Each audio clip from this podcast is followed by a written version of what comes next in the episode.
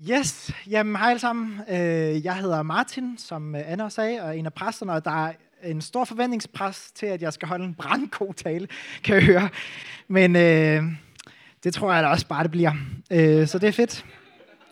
Øh, ja, jeg håber, I har haft en dejlig sommer, og jeg synes, det er helt vildt dejligt at se jeres skønne ansigter igen, og også dejligt at se nye ansigter. Det er virkelig fedt. Jeg håber, at øh, hvis du er her øh, for første gang eller anden gang eller sådan noget, du har været hen over sommeren, så håber jeg virkelig, at du føler dig velkommen her i vores fællesskab. Vi elsker at møde nye mennesker.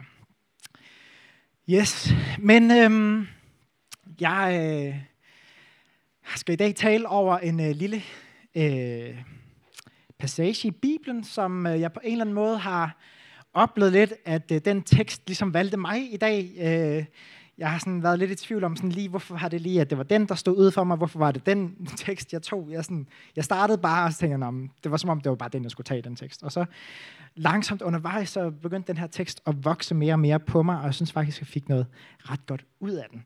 Så det var, øh, så, jeg synes selv, det har været rigtig spændende at dykke ned i, og jeg håber også, at uh, I også uh, får noget med hjem her bagefter. Øh, for jeg har virkelig personligt oplevet, at, at Gud har talt til mig igennem det her. Øhm, og hvis I ikke oplever det, så kan jeg i hvert fald glæde jer på mine vegne over, at jeg har haft det mega fedt i min forberedelse. Men øh, inden øh, øh, jeg lige går for meget videre, skal vi så ikke bare lige starte med at bede en bøn og lige tune ind. Så Kære Gud, tak fordi du er her. Helligånd, tak at du er her. Vil du øh, komme til vores hjerter, komme til vores, øh, til os alle sammen hver især. Hjælp os med at øh, tune ind på dig, høre hvad du har at sige til os. Øh, Gud, jeg beder dig om, at det som du har lagt mig på hjertet, at det også må være noget, der der rører os, som udfordrer os, og som inspirerer os, som opmuntrer os. Vil du bare tale til os alle sammen, hvad er i den situation, vi nu engang står i. Ja. Amen. Yes. Jeg vil læse fra, starte med at læse fra Matteus evangeliet, kapitel 13, vers 44-46, hvor der står sådan her. Jesus fortsatte. Med Guds rige er det som en skat, der er skjult i en mark. En mand fandt skatten og blev så glad, at han straks dækkede den til igen og solgte alt, hvad han ejede, for at kunne købe den mark. Med Guds rige er det som med en opkøber, der søgte efter ægte perler. En dag stod han over for en uhyre kostbar perle, og han solgte alt, hvad han ejede, for at købe den. Det var rimelig kort, så vi tager den lige igen. Jesus fortsatte. Med Guds rige er det som med en skat, der lå skjult i en mark. En mand fandt skatten og blev så glad, at han straks dækkede den til igen og solgte alt, hvad han ejede, for at kunne købe den mark. Med Guds rige er det som med en opkøber, der søgte efter ægte perler. En dag stod han over for en uhyre kostbar perle, og han solgte alt, hvad han ejede, for at købe den. Det her, det er to små historier, som Jesus han fortæller. To små lignelser, som de også hedder. Og hver af de her historier, de fylder faktisk kun et vers i Bibelen. Men de rummer ufattelig meget indhold. Og det er sådan nogle små historier, som vi hurtigt kunne komme til at læse henover, netop fordi, at de er små. Man kan ligesom tænke, det er lidt en ligegyldig parentes, eller de er måske sådan lidt ubetydelige i det store billede. Men venner, i Guds verden, så forholder det sig ofte sådan, at det, som virker småt, det, som virker ubetydeligt, det, som man næsten overser, det er faktisk der, at guldet ligger. Og det var dagens tale. Øh, nej, øh, det kunne det have været, fordi øh, det var en god pointe i sig selv, men det var ikke pointen. Øh, men de her vers her, der er noget guld i de, de her vers, så skal vi ikke prøve, om vi kan grave det frem. Jesus han begynder med at sige, at Guds rige, eller begynder sin lignelse med at sige, at Guds rige det er som sådan en skjult skat. Og mange af Jesu lignelser, de handler om netop Guds rige. Og det her rige, det er ikke et land, sådan rent fysisk, som for eksempel øh, Frankrig, som man kan se for sig og røre og så videre og opleve øh, rent fysisk. Det er, man kan ikke rigtig beskrive det med ord, og det er derfor, Jesus ofte bruger billeder på, hvad er det her for en rige. Fordi det her, det er nemlig Guds sfære. Guds rige er Guds sfære. Det er der, hvor Gud sidder på tronen, og det er alle steder. Det er ikke et bestemt geografisk sted, men det er alle steder. Det er en åndelig dimension, som gennemstrømmer vores verden, og som vi oplever i glimt, når vi for eksempel ser Guds kærlighed, hans nåde, hans fred, hans retfærdighed bryde igennem i vores liv. Og det kunne for eksempel være, når vi tilgiver og forsoner os med dem, som har været uretfærdige mod os.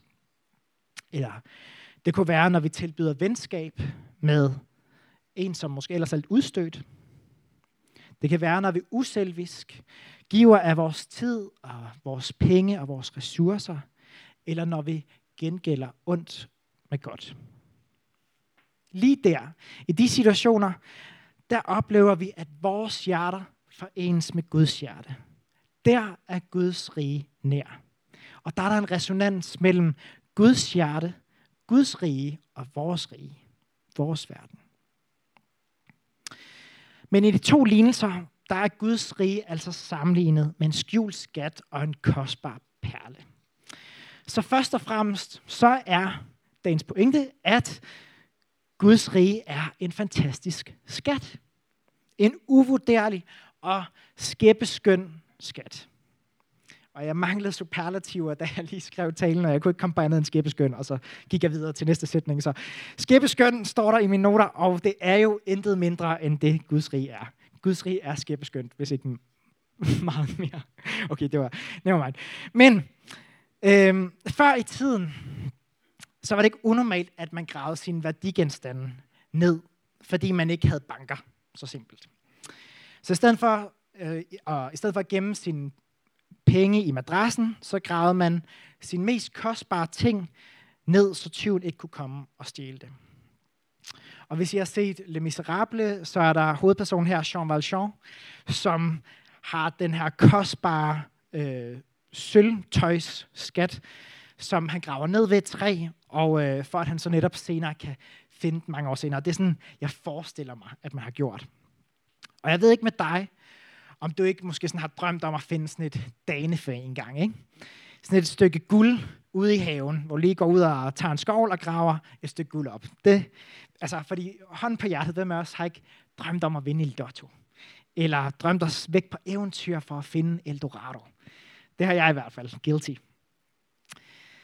Og jeg tror altså, der ligger sådan en dyb længsel i os for at tage på skattejagt.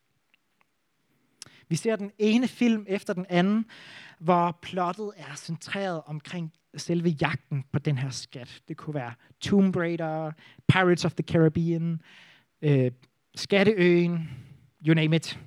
En masse film, der omhandler det. Og jeg tror, vi er så fascineret og draget af de her historier om skatte, eller af skatte i det hele taget, fordi der er noget særligt ved skatte. Skatte, de er nemlig sjældne. Det er ikke sådan en hverdagsting. Det er ikke sådan noget, du bare lige sådan, hov, der var en skat, den faldt jeg lige over. Det er en ekstraordinær ting. Der er noget værdifuldt i de her skatte. Og så er det også sådan med skatte, det er noget, vi finder. Det er noget, der er fundet. Det kommer fuldstændig uventet. Det kommer bag på os, når vi får sådan en skat. Det er ikke noget, som vi har gjort os fortjent til. Det er bare sådan en ting, der lige pludselig dukker op. Og skatte har det med at vende fuldstændig op og ned på ens liv, hvis man har prøvet det i hvert fald, at finde en skat. Så bliver ens liv fuldstændig forvandlet. Den ændrer fuldstændig hele ens præmis for at leve. Og jeg ved ikke med dig. Har du fundet skatten? Har du fundet skatten? Har du smagt på Guds godhed? Har du duftet til velduften af hans barmhjertighed? Har du hørt hans blide stemme og hans kærlige ord til dig? Har du rørt ved hans tilgivende hænder? Har du oplevet helbredelsen ved hans sorg? Har du oplevet, hvordan Jesus han kan vende op og ned på alting i dit liv? Fordi, hvis I ikke havde gættet det, så er det Jesus, der er skatten. Det er Jesus, der er perlen. Og når vi finder ham, så kan vi ikke andet end at reagere ligesom de to mænd i lignelsen. Vi må fyldes af glæde, eller vi fyldes af glæde.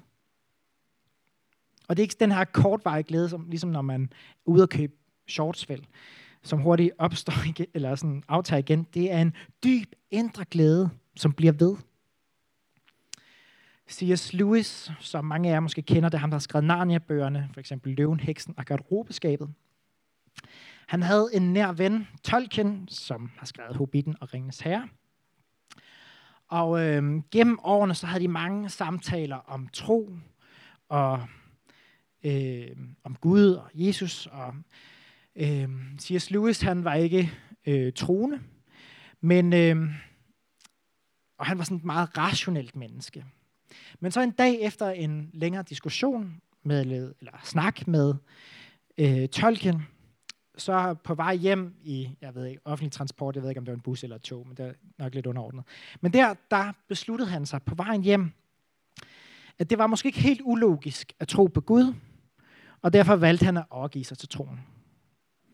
Og på den her beslutning, som må siges at være baseret på sådan en rimelig, kølig, afvejet pros and cons, så oplevede han noget ret overraskende.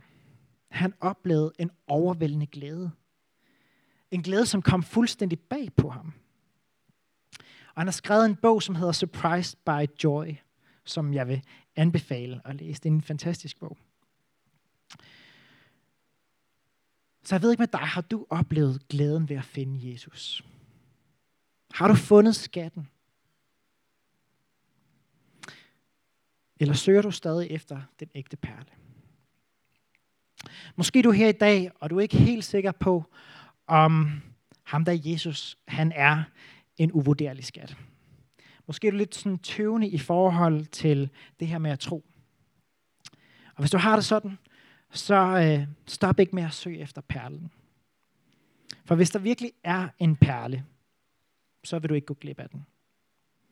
Og jeg er sikker på, at skatten nok skal dukke op, hvis du graver. Og her efter talen vil der faktisk også være mulighed for at bede sammen med en anden her fra kirken hernede bagved. Øhm, og der kan du måske netop joine i dag. For hvad er det værste, det kan ske, hvis du beder sammen med et andet menneske? Det kan være, at du måske finder en skat. Og ja, det kan være, at det vender fuldstændig op og ned på alting, og det er ret skræmmende. Men hvis det er ægte, så lover jeg dig for, at du bliver glad i lovet. Og ja, så kan det også godt være, at du er her i dag, og du kender faktisk Jesus. Du har fundet skatten. Men dagens budskab er måske også til dig. At du måske skal genfinde glæden.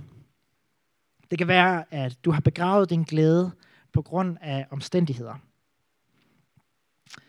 Måske har du oplevet så på sådan en rigtig sådan vaskeægte eventyr-style, at der er en pirat øh, i den her skattejagt, som forsøger at stjæle din glæde og frarøve dig din skat. En pirat, som er markeret med dødens tegn. Et sort flag med en kranie og knogler. Ikke? En ond pirat, som hele tiden kæmper en brav kamp, kamp for, at du skal droppe skatten at vi skal lade være med at bruge den, eller vi skal gemme den væk. Piraten vil have os til at give op. For os til at tænke, at den ikke er værd at kæmpe for. Jesus han siger selv, tyven kommer kun for at stjæle, slagte og ødelægge. Jeg er kommet for, at de skal have liv og have i overflod. Så venner, det er rigtigt, vi kan godt være bange for en tyv eller en pirat. For han vil nemlig stjæle og ødelægge. Men vi skal ikke lade frygten få det bedste af os. For de gode nyheder er jo, at du har skatten. Du har himlens ressourcer til rådighed. Du har adgang til Guds rige, og du har del i det evige liv allerede nu. For når du omsætter skatten, eller når du deler ud af den, så vil du erfare, at der er liv at finde. Og der er liv i overflod, som selv ikke dødens pirat kan overvinde og tage fra dig. Så lad os genfinde glæden over skatten. Og jeg tænker også, at vi skal bede for dig i dag, som måske har brug for at se Guds fantastiske gave til dig på ny med nye øjne. At glæden ved at have fundet skatten må synke endnu dybere ned. Og den må gennemstrømme alle aspekter af dit liv. At, alle omstænd, eller at omstændigheder ikke må overskygge glæden ved at have fundet den her uhyre kostbare perle. Men der er også et andet aspekt i historien. For de her to fyre, som begge, eller de må begge to ud og sælge alt, hvad de ejer, for at købe henholdsvis perlen og skatten. Og i den græske tekst, står der faktisk, han solgte alting, alting. Der står ikke bare, at han solgte alting, men han solgte alting, alting.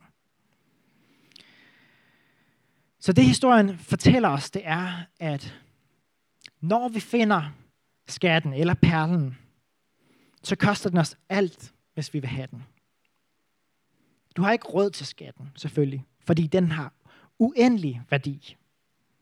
Men du har råd til marken, hvis du sælger din egen mark. Og det kan godt være, at vi har en ret fin mark selv. Det er sagtens være, at vi har fine afgrøder på vores mark, som vi har arbejdet hårdt på at få til at stå rigtig flot. Men hvis vi vil have skatten, så ligger den bare ikke på vores egen mark. Vi må sælge den og købe den anden mark. Og problemet er, at vi så ofte kan komme til at blive distraheret af andre ting, som glimter. Måske har du en masse fine plastikperler derhjemme på din egen gård, ikke? og det ligner næsten den ægte vare. Men hvis vi skal være ærlige over for os selv, så er det ikke værd at satse på billige efterligninger, når man kender den ægte perle.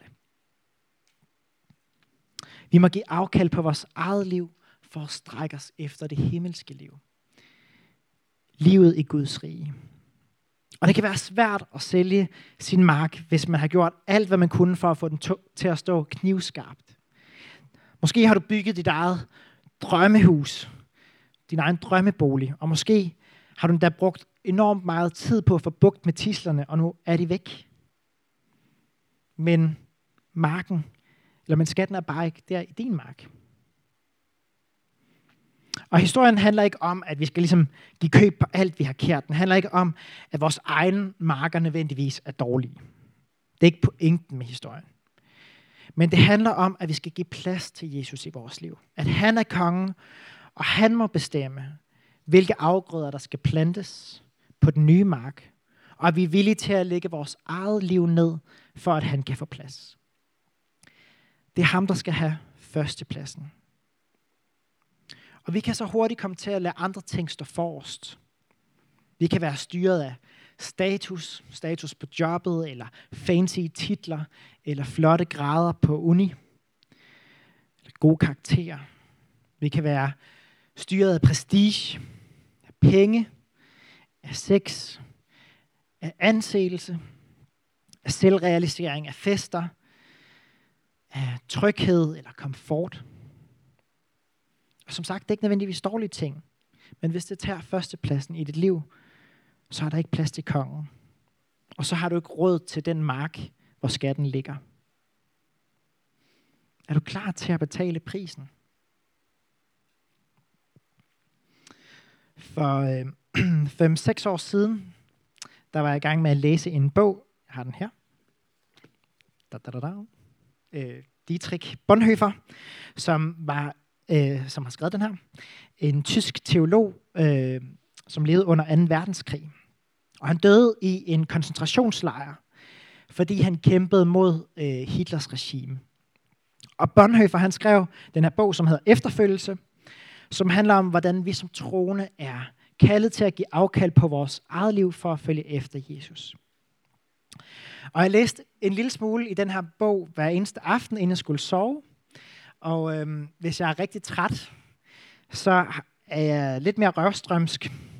Så jeg kan huske, hvordan at jeg blev fattelig rørt hver eneste aften, hvor jeg læste lidt i den her bog, og faldt grædende i søvn. Øh, fordi den simpelthen udfordrede min forståelse af efterfølgelse. Jeg blev grebet af Guds kærlighed til mig, og hans offervillighed for min skyld. Og en aften, så var der sådan en passage i den her bog, som handlede om mødet mellem den rige unge mand og Jesus, som vi kan læse om i Matteus evangeliet kapitel 19. Og det, den vil jeg anbefale at gå hjem og læse. Det er en ret provokerende historie. Den rige unge mand, han spørger Jesus, hvad skal jeg gøre for at få det evige liv? Og Jesus siger, at han skal overholde de 10 bud og elske sin næste som sig selv. Og den rige unge mand siger, jeg har overalt alle budene, så hvad, øh, og så spørger han, hvad mangler jeg at gøre? Og så siger Jesus noget rigtig provokerende. Han siger sådan her, hvis du virkelig vil opnå det fuldkommende liv, så gå hen og sælg alt, hvad du ejer, og giv pengene til de fattige. Så skal du få del i himlens rigdom. Og kom så og følg mig. Huh, af goddag. Jeg havde hørt den her historie hundredvis af gange før, men den her gang, der blev jeg ramt lige i mellemgulvet. For jeg har altid hørt, at selvfølgelig skal vi ikke sælge alt, hvad vi ejer.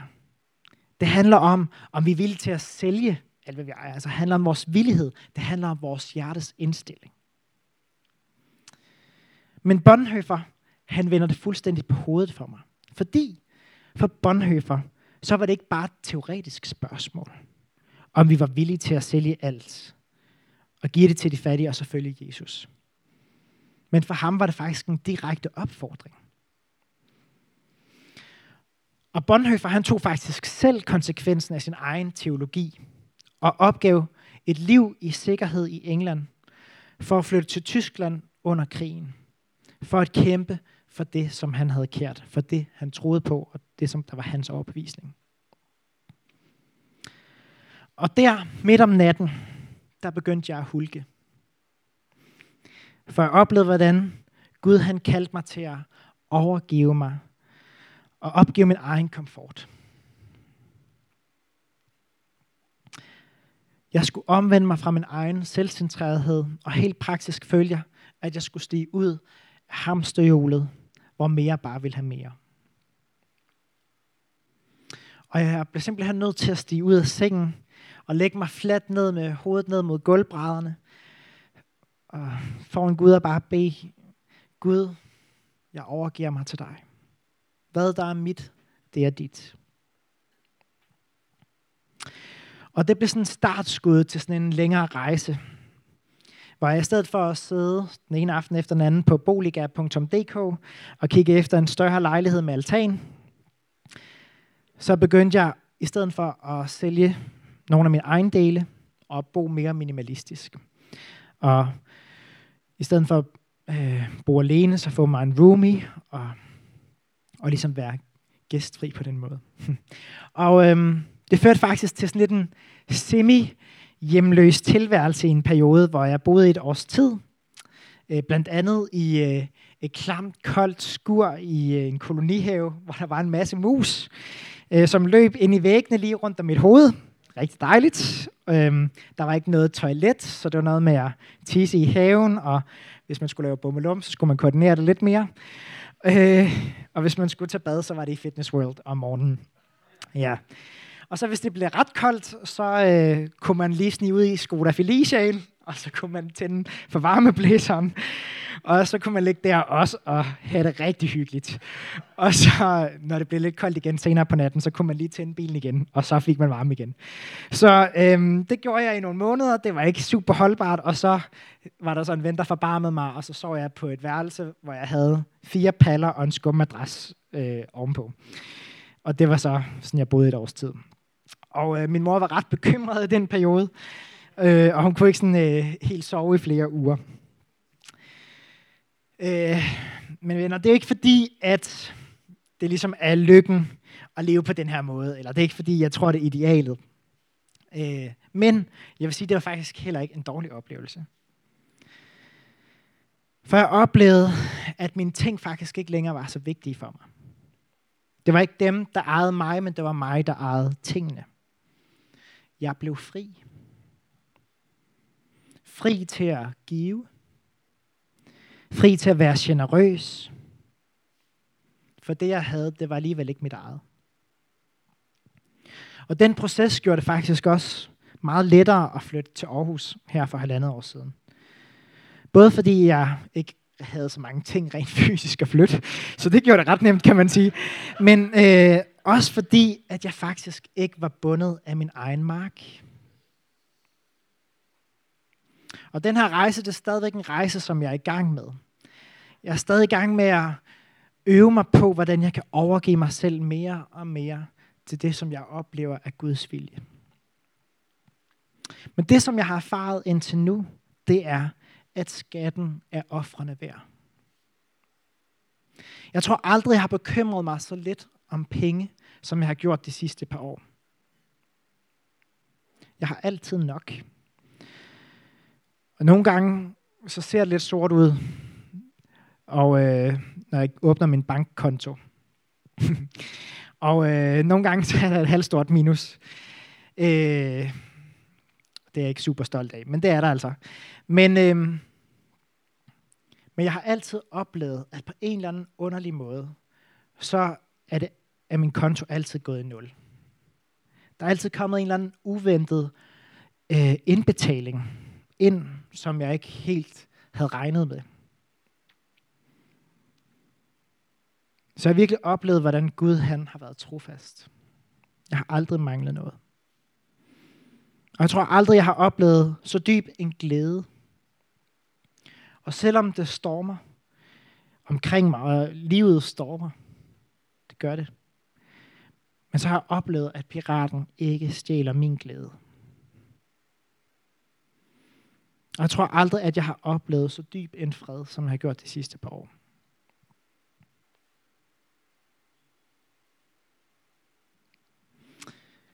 Ja. En sidste ting, jeg gerne vil sige, inden vi skal fejre nadver, det er, eller stille spørgsmålet, hvorfor er det Gud stiller den her fine, fine skat, eller perlen, så at sige, til rådighed for os? Hvorfor er vi så heldige, at Gud giver os muligheden for at finde den? Fordi historien ikke kun handler om, hvordan vi skal finde ham, men om, hvordan han allerede har fundet os. Vi er Guds værdifulde skat. Vi er hans kostbare perle. Han har fundet os, og vi er dyrebare for ham. Vi er hans glæde, og han jubler over os. Og sidst men ikke mindst, så offrede Gud alt, hvad han havde for at købe os fri. Han var lige med Gud og havde ret til at fastholde den lighed. Dog gjorde han ikke krav på sin ret, men gav afgald på sin guddomsmagt. Tog tjener, tjenerskikkelse på og blev menneske. Som menneske ydmygede han sig og accepterede den værste død. Døden på et kors. Jesus offrede sig selv for dig og for mig. Hans hengivende, selvopoffrende kærlighed kan vi se på korset. Han opgav sin guddomsmagt. Han opgav livet for at vinde den kostbare perle. For at vinde os.